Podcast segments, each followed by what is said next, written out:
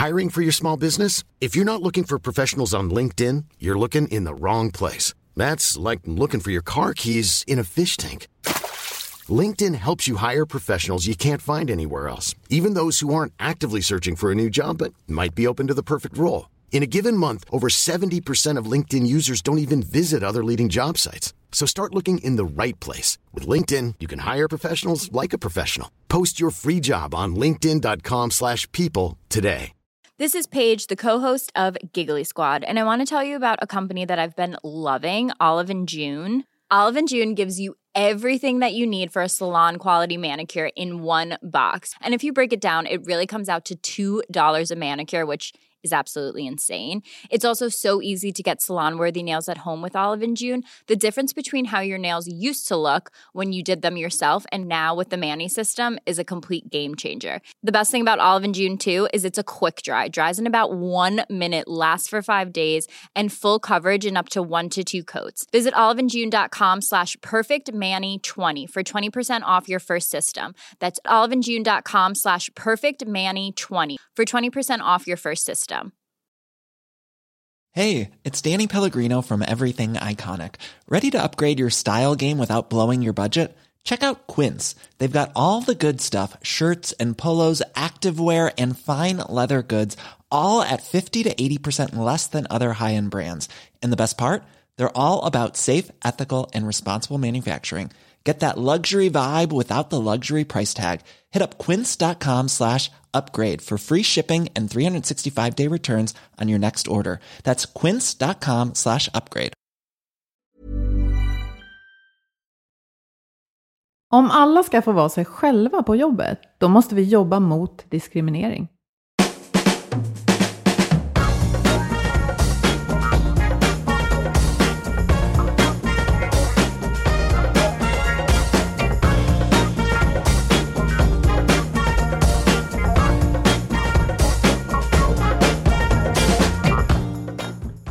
Health for Wealth, en podd om hälsa på jobbet. Vi är Ann-Sofie Forsmark, hälsomanagementkonsult och Boel Stier, copywriter och kommunikatör.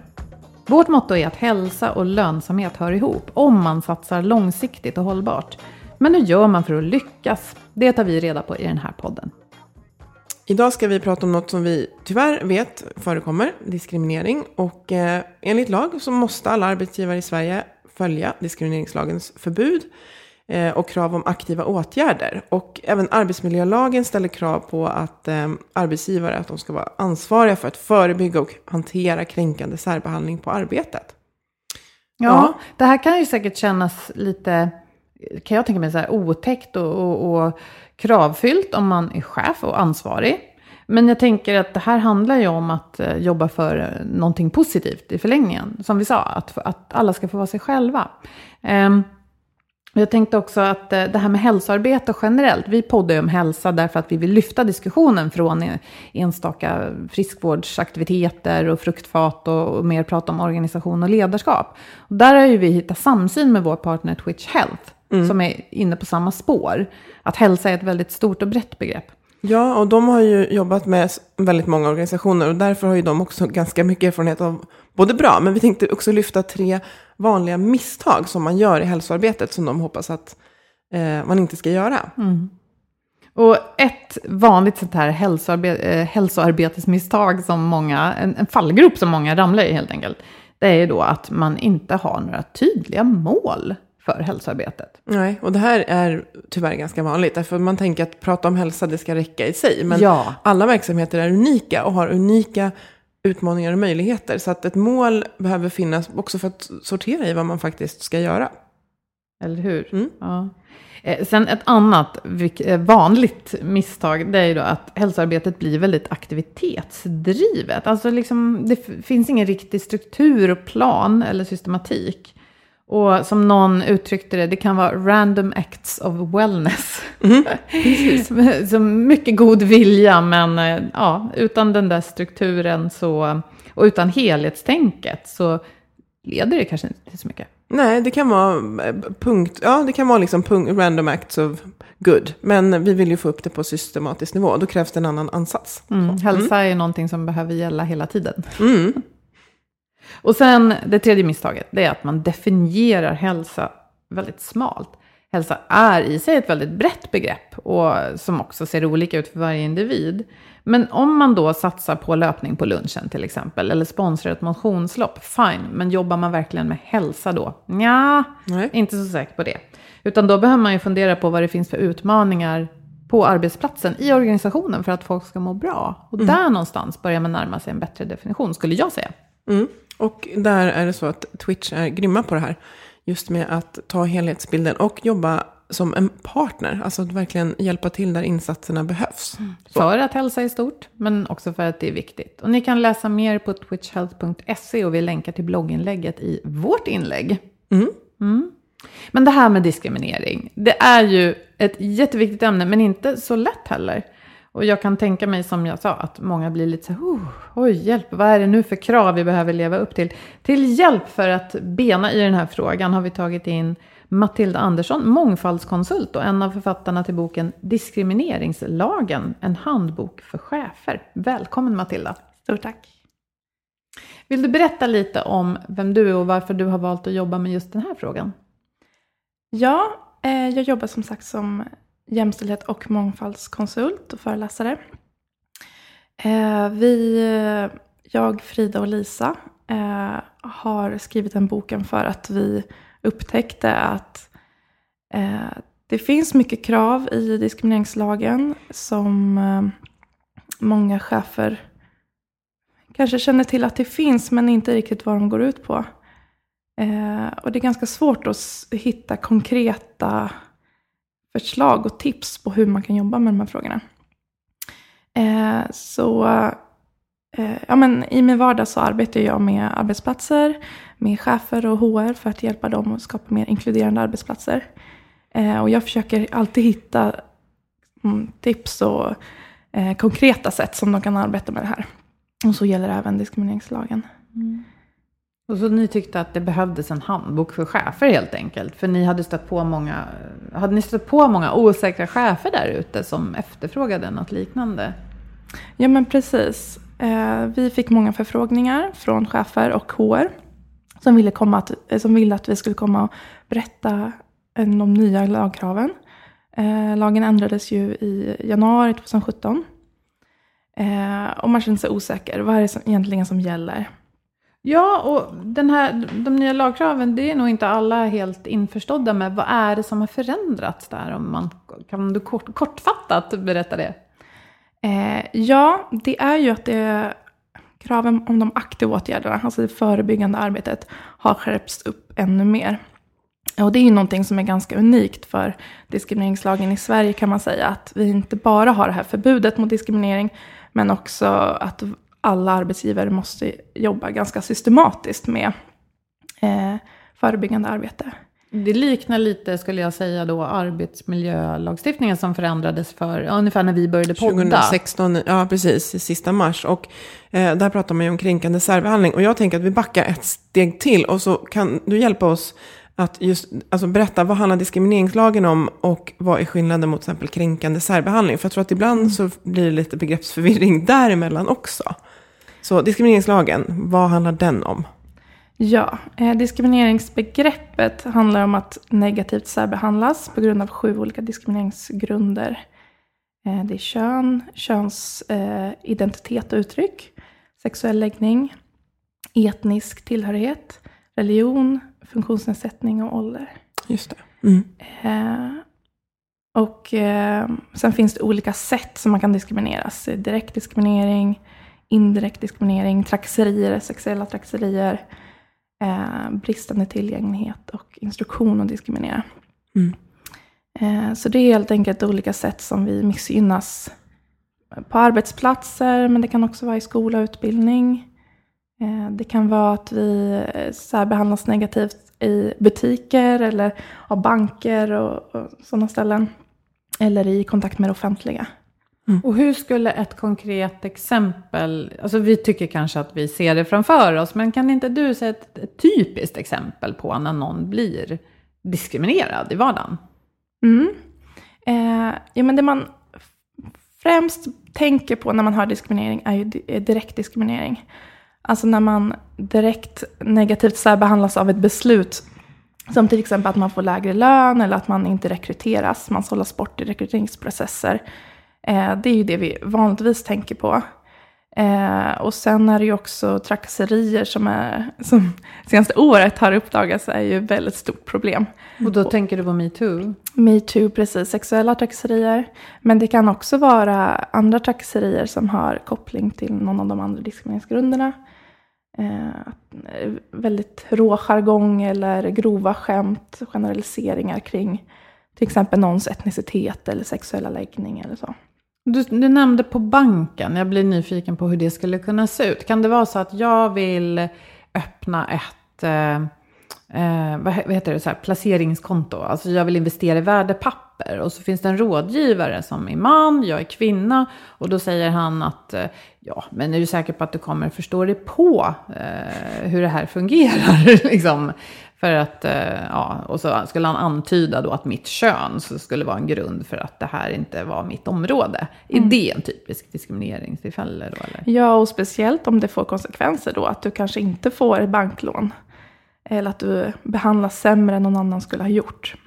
För det är alltid det här jämförandet också med eh, behandlas sämre än någon annan mm. skulle ha gjort i, i en sån här situation. Eh, så man måste alltid jämföra med. Eh, men precis, att om jag är pensionär och går till banken och vill ta ett lån och så säger de så här, men du har, din inkomst räcker inte riktigt. Men så kan jag visa att min granne som är man, som är i exakt samma situation med en liknande inkomst har fått ett lån. Då skulle jag kunna hävda att jag har faktiskt blivit diskriminerad. Mm.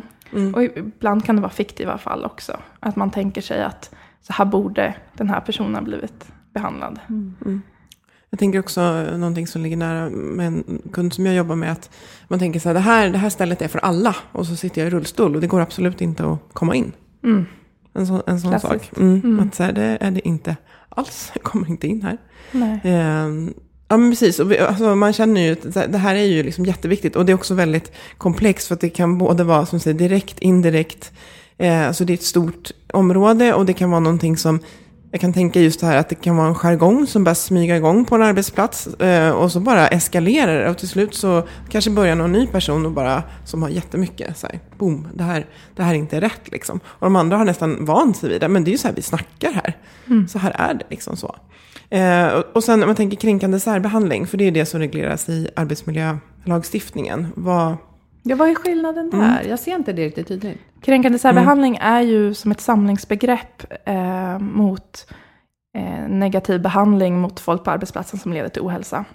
Eller att man ställs utanför arbetsplatsens gemenskap, som det fint lyder. Mm. Eh, och det kan ju vara, det kan ju dels vara trakasserier och så, men det kan också vara eh, mobbning och annan särbehandling eh, som inte har med någon av diskrimineringsgrunderna att göra. Aha, så att, det kan vara... bli mobbad utan att mm. det går att påvisa att det har att göra med att jag är kvinna eller för den delen man eller att det har med, mm. med min etnicitet att göra. Då är det kränkande särbehandling, punkt. Precis, och det kan ju vara mer härskartekniker mm. och utfrysning och sådana saker. Det är mycket vidare.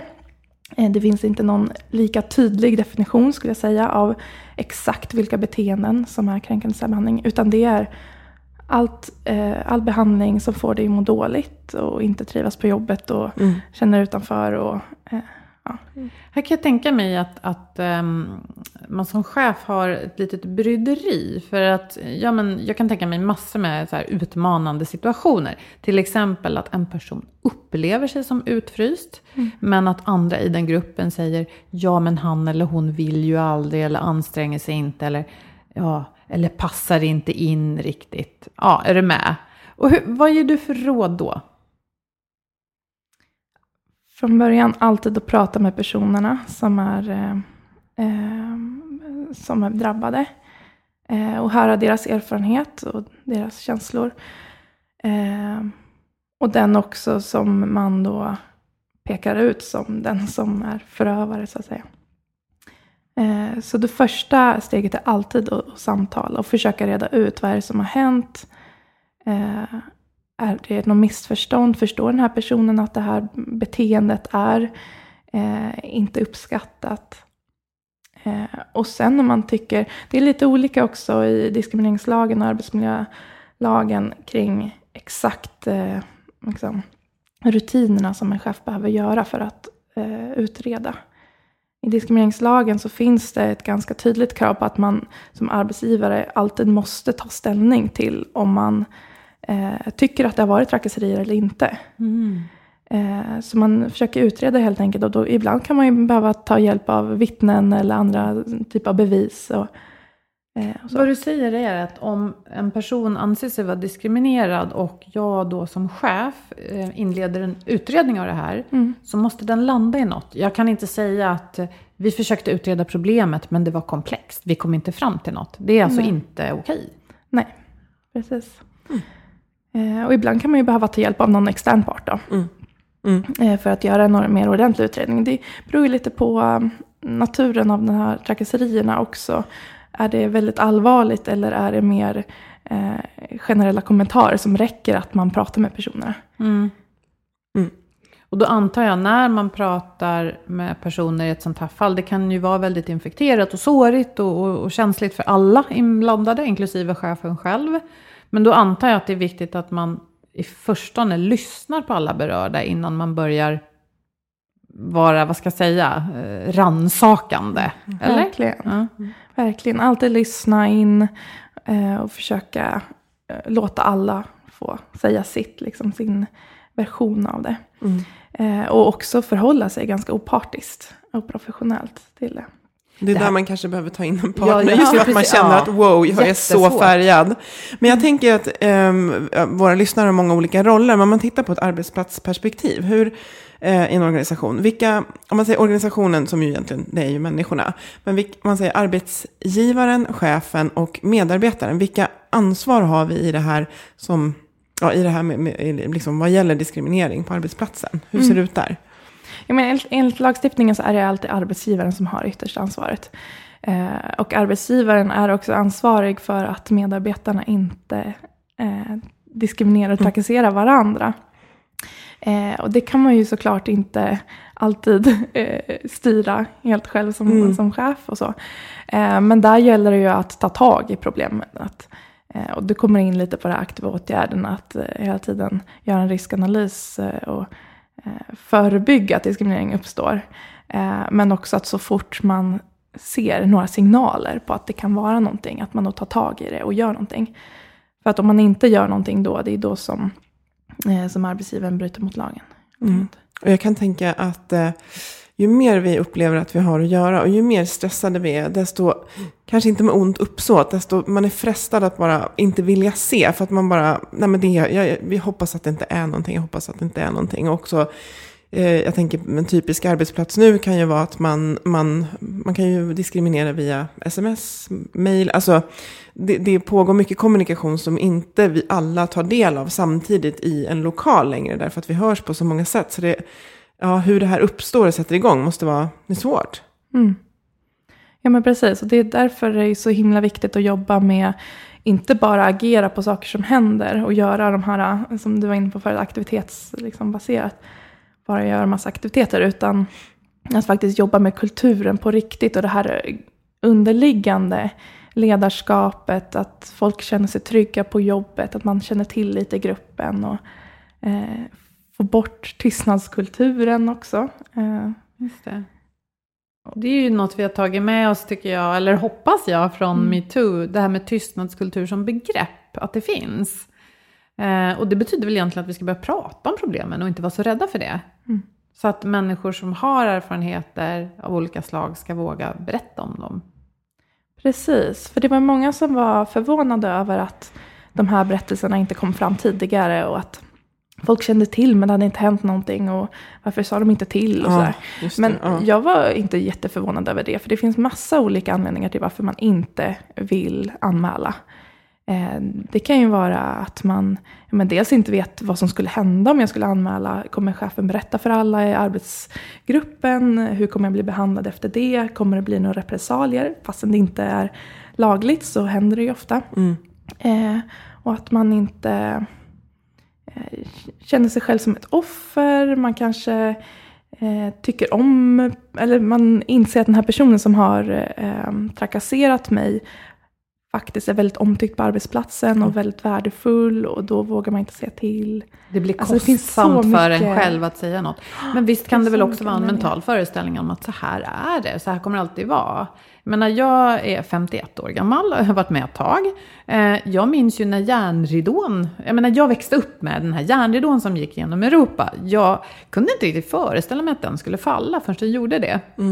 Och det tycker jag är en, för mig, så bra parallell till hur vi ser på sexuella trakasserier idag. För även om vi kan säga att väldigt mycket är kvar att göra så har en del hänt också.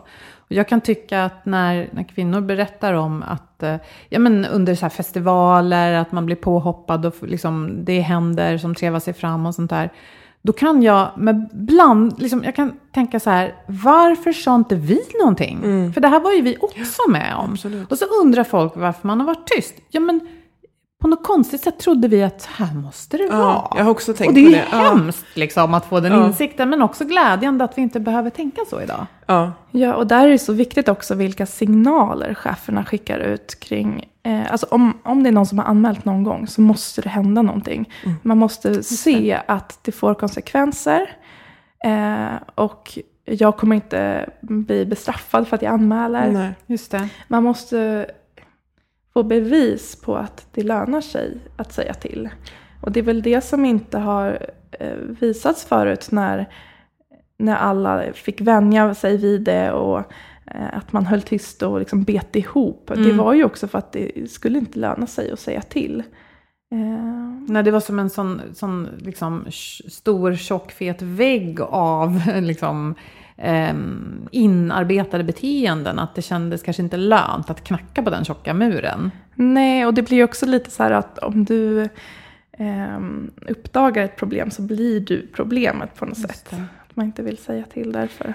Men hur kan man då, om, om man är chef för ett ganska stort företag, där man liksom omöjligt kan överblicka allt som händer mellan människor och så, så, så vill, säg att jag vill då bara göra det väldigt tydligt att eh, du ska kunna berätta om sådana här saker. Då måste jag väl också berätta hur det går till. Mm. Och på något sätt säga att ja, men du ska kunna vända dig till din närmsta chef. Är det din närmsta chef som är problemet? Ja, då måste man ju kunna peka någon annanstans. Ska man kunna berätta anonymt i ett första steg? Mm. Är, det, är det en bra rutin att göra så? Ja, men det är ju många företag som nu har infört sådana system. Okej. Eh, att man ska kunna anmäla anonymt. Eh, och alltid kunna ha någon att prata med. Man kanske vill gå till facket eller skyddsombud så. Eller till HR-person. Eller eh, att gå till någon i alla fall. Och då tänker jag att om man vågar göra en anonym anmälan så kanske man... Nu ser jag framför mig att det här är ett digitalt förfarande kanske. Ja, Och då kanske man kan föra en diskussion i ett, någon slags anonymiserat eh, kommunikationskanal. Och ändå försöka se om den människan inte vågar träda fram. Mm. Eller? Hur ska man göra? Ska man, för man vill ju inte pressa en sån person heller. Nej, nej, precis. Utan det måste ju vara frivilligt på, på ett sätt. Eh, men samtidigt är det så viktigt att få reda på. För annars kan man ju inte göra någonting heller. Nej. Eh, Men jag tänker att det är dels viktigt att få reda på försiggår det på arbetsplatsen. Men sen måste man ju också få reda på eh, ja, men vilka personer det handlar om och så för att kunna göra ett ärende av det liksom, och Mm. gå vidare med det. Så det är lite olika syften tror jag också. Att ibland så behöver man bara få reda på hur det ligger till. För det är det som många har blundat för också. Och tänkt att nej men, det, det har inte kommit några ärenden hit så därför är det nog ju bra. Det kan bli lite flodvåg också. Ja. Där någon har, alltså bara, åh gud nu känner jag att nu vågar jag också. Ja. Liksom, Det var ju det som ja. hände med metoo. Ja, precis. Ja, det när var ju verkligen en flera, sån. Ja. Eh, klev fram Mm. och, och sa att jag har varit med om det här. Ja. Så då vågade man. Ja. Och det var ju också en styrka i det, eh, i den revolutionen, eller vad man ska kalla det för, att många delade med sig anonymt. Och att eh, uppsåtet just där och då inte var att föra folk inför rätta, för det var många gånger också långt bak i tiden. Men, och, och då tänker jag så här, men nummer ett kanske är att föra upp i ljuset, att, att eh, spräcka tystnaden. Och då får ju också arbetsgivaren reda på hur det upplevs där ute. Och det är ju bra. Men sen för att göra jobbet riktigt bra måste man ju också hålla ansvariga till, eh, alltså, ja, man måste utkräva ansvar. Mm. Och då som chef se till att utkräva ansvar av sig själv för att städa i det här. Och då, ja det är klart, det är ju knepigt om allting bara är anonymt. För då går det ju inte riktigt att gå vidare, eller gör det? Nej, det gör det ju inte. Eh, inte om det är anonymt. Men eh, det man däremot ser är ju att oj, så här många fall har vi. Eh, varför tror vi att de inte har gått till sin chef? Och så får man Mm. reda ut det från den ja, vägen. lite djupare. Mm. Eh, och försöka hitta sätt som man eh, medarbetare som ska känna sig mer trygga och kunna säga till. Mm. Men både så här, varför har det uppstått hos oss? Vad, Mm. vad är det som brister där? Varför har det varit svårt att Liksom, varför har det här varit svårt att anmäla och varför, alltså det blir ju hela kedjan i det här börja. För jag tänker nu känns det som att nu pratar vi mycket liksom, metoo, men jag Mm, tänker också det här med att man, ja men vi skulle, bli, vi skulle vilja vara, ha mer folk med olika bakgrund. Eh, vi vill, vi säger att vi ska ha fler kvinnor i ledningsgruppen och styrelsen. Eh, alltså att, jag tänker där blir det ju ett väldigt proaktivt arbete om man tänker att, för säga, nej men jag, jag tänker att när, när jag sitter med liksom intervjuer, jag präglas inte av att eh, var folk kommer ifrån till exempel. Men här har man ju sett flera gånger att man har testat, liksom folk skickar med olika efternamn och har man ett utländskt klingande så kan det vara att, ja då blir man inte, alltså att det finns så mycket exempel. Om man tänker en organisation som verkligen Ja, men vi vill inte diskriminera. Vi vill inte det. Men vi, vi inser att vi behöver hjälp i ett ganska tidigt stadium. För att vi, vi faller lätt in i gamla spår. Hur, hur kan man börja jobba? För det handlar väl det här också om. Att, Mm, att börja absolut. jobba där. Ja. Ja. Absolut. Eh, ja, men det första är ju på något sätt att ta reda på hur det ligger till. Eh, och eh, det är ju också det första steget i aktiva åtgärder. Undersöka. Eh, vad kan vara diskriminerande idag och eh, vad kan bli, liksom riskera att bli diskriminering i framtiden? Och, och vara ett hinder för att alla kan vara sig själv. Och det kan ju vara ja, med jargong och sånt, men det kan också vara dåliga rekryteringssystem. Eh, att man bara eh, rekryterar internt eller att man inte har kunskap inom rekryteringsgruppen. Man har en kanske väldigt homogen rekryteringsgrupp och väldigt hårda kriterier och allt möjligt. Det kan ju vara annonser Mm. och De bara, svensk Intervjuer. högskoleutbildning, så bara, ja, Ja. sålla det bort liksom. Ja.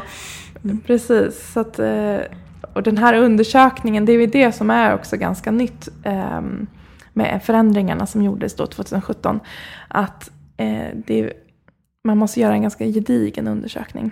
Mm. Man ska ju undersöka risker och hinder för alla sju diskrimineringsgrunderna. Eh, och inom fem områden.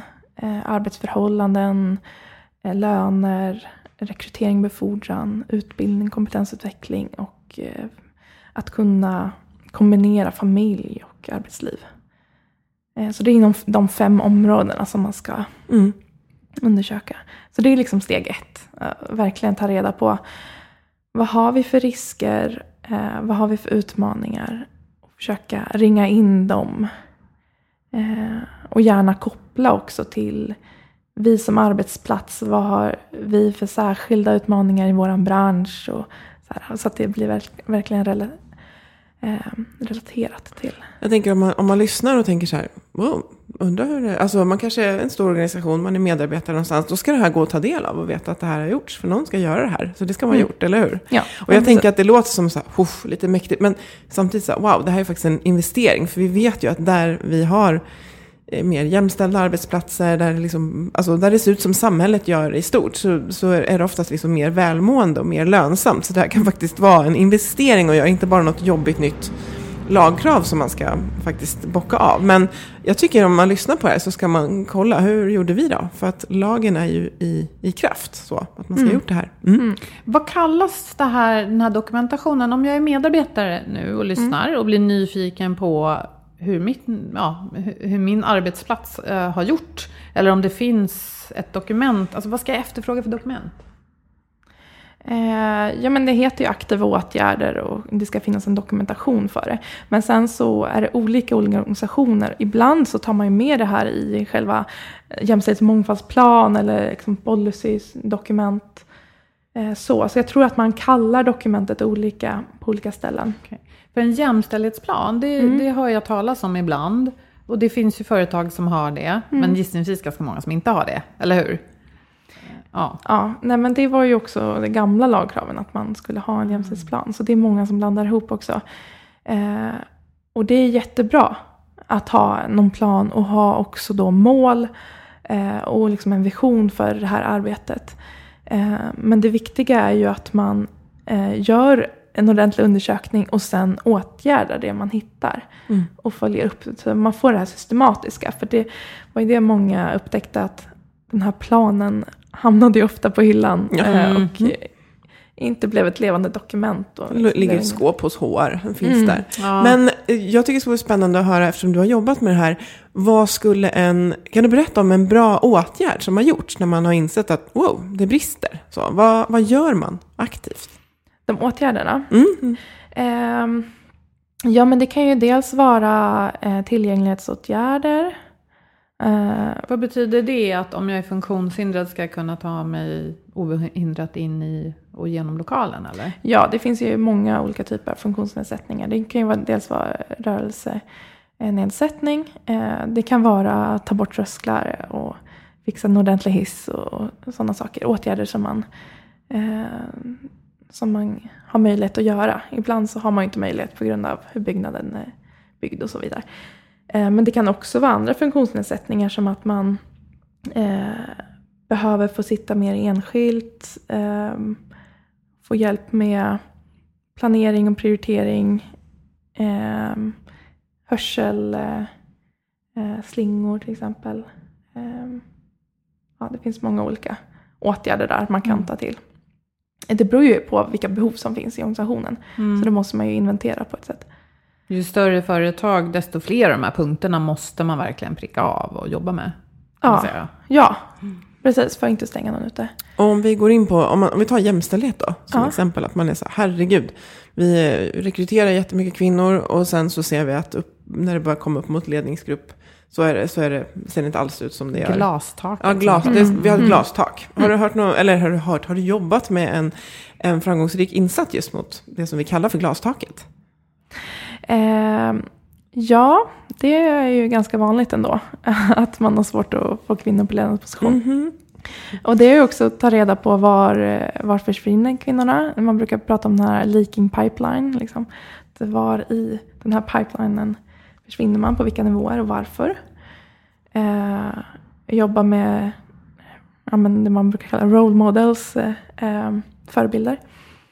Eh, för det handlar ju också om vilka signaler man skickar ut eh, och vilka man tror på ska bli. Ibland så säger man så att kvinnor hoppar av ändå.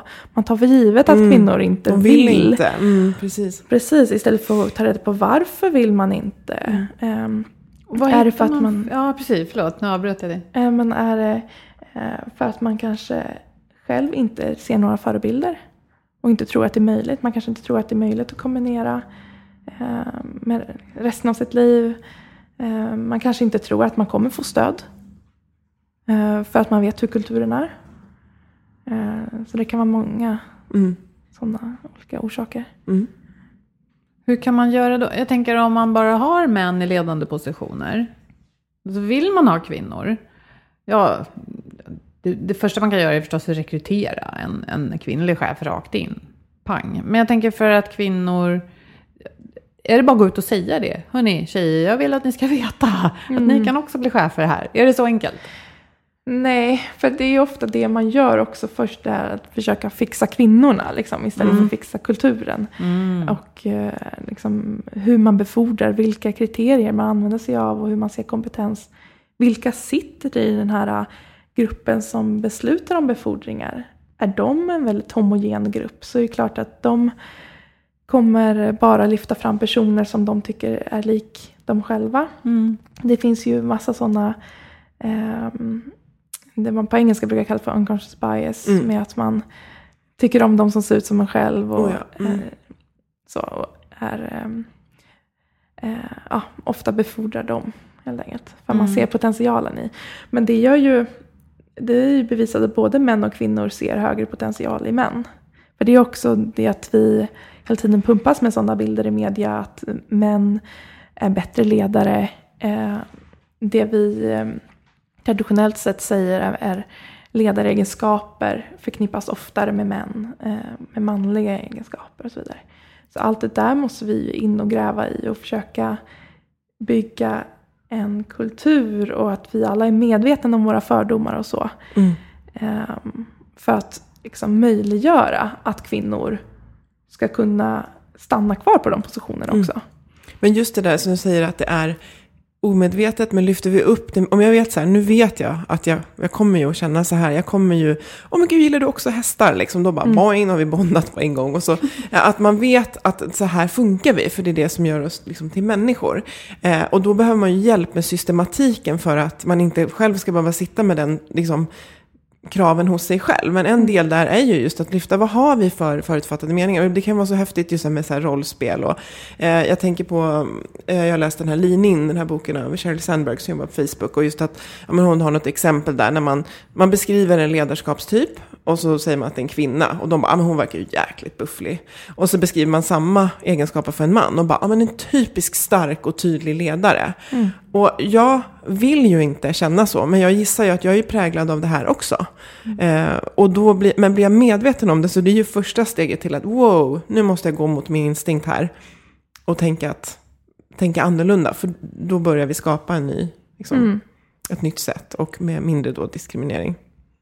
Precis, jag skulle säga att både utbildningsinsatser eh, där man verkligen får gå på djupet med sina egna fördomar och eh, liksom, få större medvetenhet. Men inte stanna där då, utan att man måste jobba aktivt för att eh, kanske sätta upp checklistor eh, där man inte glömmer bort vissa aspekter eller skapa eh, de här grupperna som rekryterar eller eh, ansvar för befordring, att de är blandade. Eh, Att man gör massa sådana insatser för att se till att vi inte sållar bort folk eh, som Mm. är kompetenta. Du som jobbar med det här, hur, hur vanligt är det med diskriminering? Och vad är liksom den vanligaste utmaningen som de flesta behöver jobba med på arbetsplatser i Sverige? Det största problemet är ju att folk ofta inte riktigt vet hur de diskriminerar. Eh, Det sker ju ofta omedvetet. Um, Och att man ofta gissar att vi är ganska bra. Man kanske jobbar bara med eh, kön eller etnicitet till exempel, för det är det allra vanligaste. Ehm, um, Medan man kanske helt glömmer bort tillgänglighetsfrågorna då till exempel. Eh, och eh, där man... Alltså det är konstigt ändå att, att det tillåts vara på det sättet. Att man aktivt utestänger, eller inte aktivt men omedvetet då kanske utestänger en ganska stor grupp av befolkningen. Det skulle liksom inte vara acceptabelt på något annat område. Man skulle inte kunna säga så att nej men vi vet om att folk eh, brunhåriga personer inte kan jobba här eller personer med storlek eh, 40. Eh, och att man då accepterar att vi kommer missa all den här kompetensen som de personerna har. Mm. Men just när det gäller personer med funktionsnedsättning som kanske inte ens kan komma in i lokalen, då på något sätt är det en accepterad, eh, så här, nej men det går inte. Jag tror att man, Mm. jag inbillar mig i alla fall att vi behöver se vad vi går miste om. Jag gillar en kampanj som vi ser runt omkring oss nu som heter Gör plats. Ja, jag blir Från jätteberörd av den och blir så här, "Åh, det där vill jag engagera mig i. Mm. Ja, gör plats punkt någonting. Det är i alla fall Arbetsförmedlingen. Arbetsförmedlingen. Mm. Och där, jag vet att jag sett någon film där, till att börja med ser jag en kvinna, har, hon är i rullstol, hon är filmad uppifrån.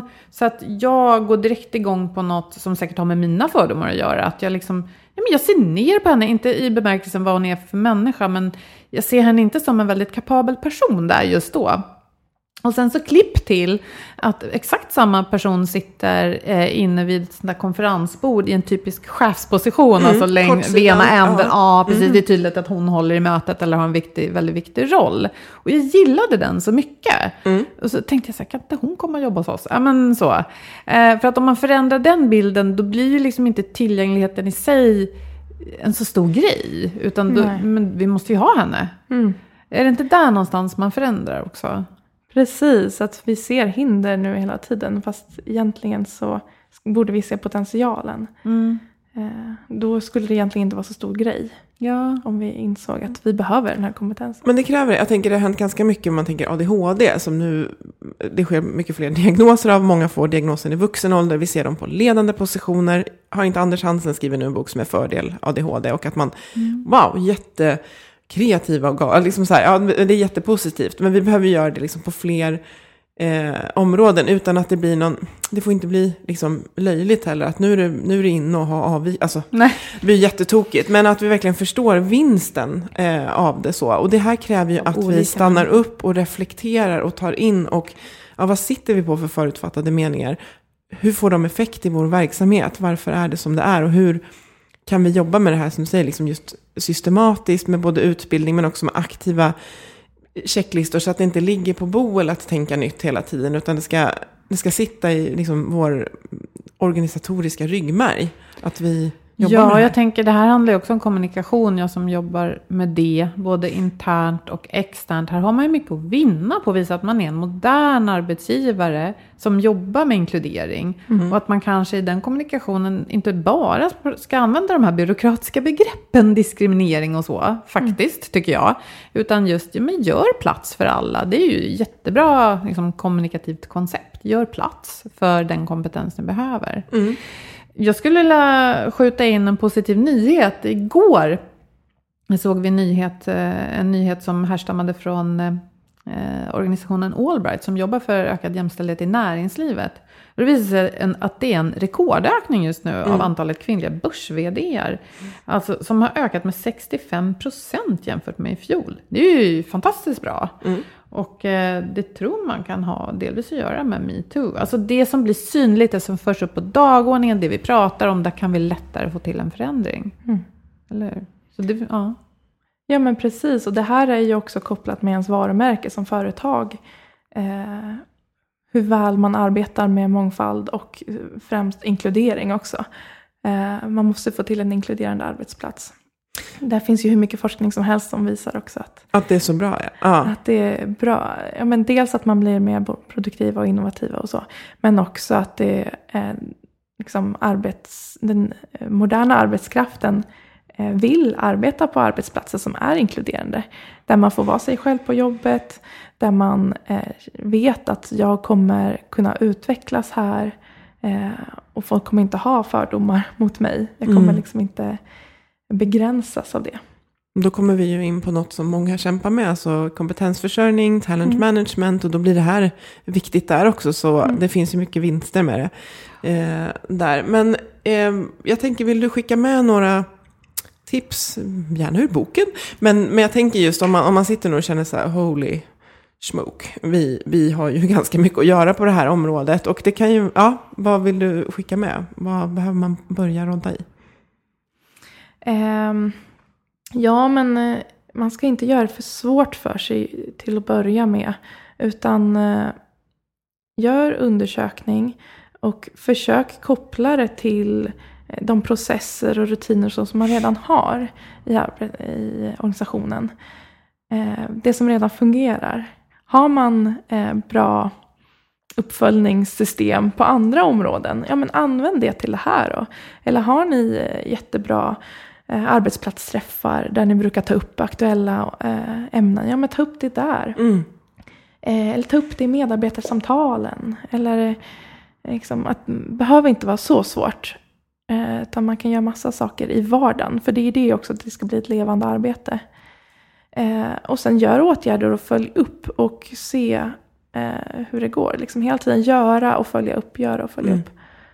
Eh, och börja med börja med några områden då. Mm. Eller, undersökningen måste man göra inom alla de här områdena. Mm. Men, men att se då vad är våra största utmaningar. Mm. Och börja med dem. Um, så att man inte kanske fokuserar all kraft på all, allt samtidigt. Mm. Utan man tar och som du säger, kanske inte då lägga till att så här, ja, men nu kommer vi ha diskrimineringsmöten en gång i månaden. Utan snarare så här, vi ses ju och mm. har det här mötet. Och hur kan vi lägga in en, kanske en oladdad fråga bara. För att det bör egentligen inte vara laddat att prata om det. För vi vet att vi kanske alla diskriminerar ibland, mer eller mindre omedvetet. Så att vi kanske behöver ta bort laddningen att kunna prata om det. Sen när det väl sker, då är det ju super liksom, allvarligt. Mm. Men att så här, ja, hur, hur är vi egentligen mot varandra och vilka utmaningar. Ja. Precis, och rusta upp cheferna också så de Mm. känner sig bekväma. Eh, och prata med de här, i de här frågorna med sina medarbetare. Eh, ta upp det på personaldagar och på arbetsplatsträffar. Och eh, kanske ha någon runda ibland på, eh, på personalmöten. Men eh, också att de ska få lära sig att leda mer inkluderande. Alltså inkluderande ledarskap är en viktig del tycker jag i Mm. det här arbetet. För cheferna är ju ofta kulturbärare Mm. och skickar ut massor av signaler kring eh, vilka beteenden som premieras, vad som är okej och inte, eh, hur man beter sig mot varandra. Eh, att en ledare kan eh, se sina egna fördomar och vara ärlig med det och liksom vara ärlig med att eh, jag har också fel eh, och men det ska vi arbeta aktivt med. Mm. Om man har en sån chef så kommer man ju ha ett mycket bättre klimat och kunna prata om de här frågorna och hela tiden försöka göra saker bättre. Ja, ja, men lite så här, Mm. bara, hörni, gud vad jag märker att det är lätt för mig att liksom alltid vända mig till killarna när det handlar om och bara, men nu har jag verkligen, ja, det, här, det här vill jag förändra liksom, och kan ni hjälpa mig? Och, ja. Precis, be om feedback. Mm. Skapa en sån kultur där det är okej att att, säga till och ta upp eh, så här, ja, men det här tycker jag vi kan göra bättre. Och ha en levande diskussion så. För att det är ofta i de här frågorna också som man, eh, man är rädd att göra fel. Det är man ju, absolut. Eh, men att det blir någon slags blockering då också. Att man in, vill inte ens veta eh, hur, vilka fördomar man har och eh, vad man gör fel. För att det blir jobbigt att ta in. Mm. Men jag tänker, nu, är så, nu kommer vi åter till metoo, men det, är liksom, det begreppet finns ju nu. Om någon skulle säga, då kan man nästan skämtsamt säga så här, metoo, lite så. Men det behövs på många andra områden också. Just att så här, ja, men, bara, tänk att det finns en kultur när någon säger så, här, så säger någon någonting och så bara, men det här känns inte, liksom inte helt okej. Alltså den kulturen är cool. När Där det, det är okej och Ja. där ingen behöver känna sig helt överkörd heller för att man får en sån kommentar. Utan Nej. att man lyssnar och Man säger, bara- men, ja, men jag ska Ja. fundera på det där, det var ju bra att du sa till. Ja, så, nej men gud förlåt, jag håller med. Liksom. Alltså, tänk att sitta i ett möte där, där det, det är helt, att man bara, nej men hörni, nu tycker jag vi låter jäkligt disk. Alltså, Ja, och att man kan få stoppa sig själv också och Ja. säga oj, där flög det ut något, det där var inte menat så. Nej, eh, det, jag tar tillbaka det. Mm. Eh, Ja, men det är något att sträva efter. Det, Ja. det tycker jag blir en bra avrundning också. Att, eh, Mm. ja, gör lite, det är bättre än inget. Och lyft, lyft det här med diskriminering och särbehandling. Prata om det. ja. Och se inte de här lagkraven som ett jobbigt tvång, utan en möjlighet att prata om viktiga ämnen. Och också faktiskt stärka företagets arbetsgivarvarumärke om inte annat. Mm, verkligen. Och jag vill avslutningsvis berätta att eh, Skandia bjuder in till hälsoseminarium med tema Tillväxt skapas av friska medarbetare. Och jag har den stora äran att vara både moderator och föreläsare på det här, så det vore kul om någon kom. Och, eh, Gå dit, Eh, det är värt det tror jag. ja, och det riktar sig till dig som är ledare eller HR-chef och går av stapeln i Göteborg den 6 november och Stockholm den 8 november. Och eh, det finns några biljetter, det finns inte hur många, hur många som helst, men först till kvarn gäller. Eh, och det blir en väldigt intressant förmiddag, tycker jag då, något partisk, men jag lovar, om hur man fångar upp medarbetare som mår dåligt, vad nya lagen och rehabiliteringsplan innebär och hur viktig sömnen är för att må bra på jobbet. I, på vår hemsida, healthforwealth.se, under det här avsnittet så kommer jag lägga länkar till där man kan söka om och få en plats. Ja, då anmäler man sitt intresse där och Ja. så får man ett besked om man fick Ja, precis. Ja, Mm. Perfekt. Ja, men eh, tack. Hörni, tack Matilda för att du kom hit och ville berätta för oss. Ja, tack för Eh, att jag fick komma. begreppen. Det känns peppande. Mm, tack. Ta hand om varandra där ute. Våga börja diskutera. Bjud på era egna misstag. Det är alltid en bra start. Nästan i alla fall. Ja, och dela med er till oss också. Av misstag, fallgropar, erfarenheter, tankar. Vi finns på healthforwealth.se. Och vi tackar våra samarbetspartners Twitch Health och Agda Media för den här produktionen. Tack så mycket. Hej då! Hej då!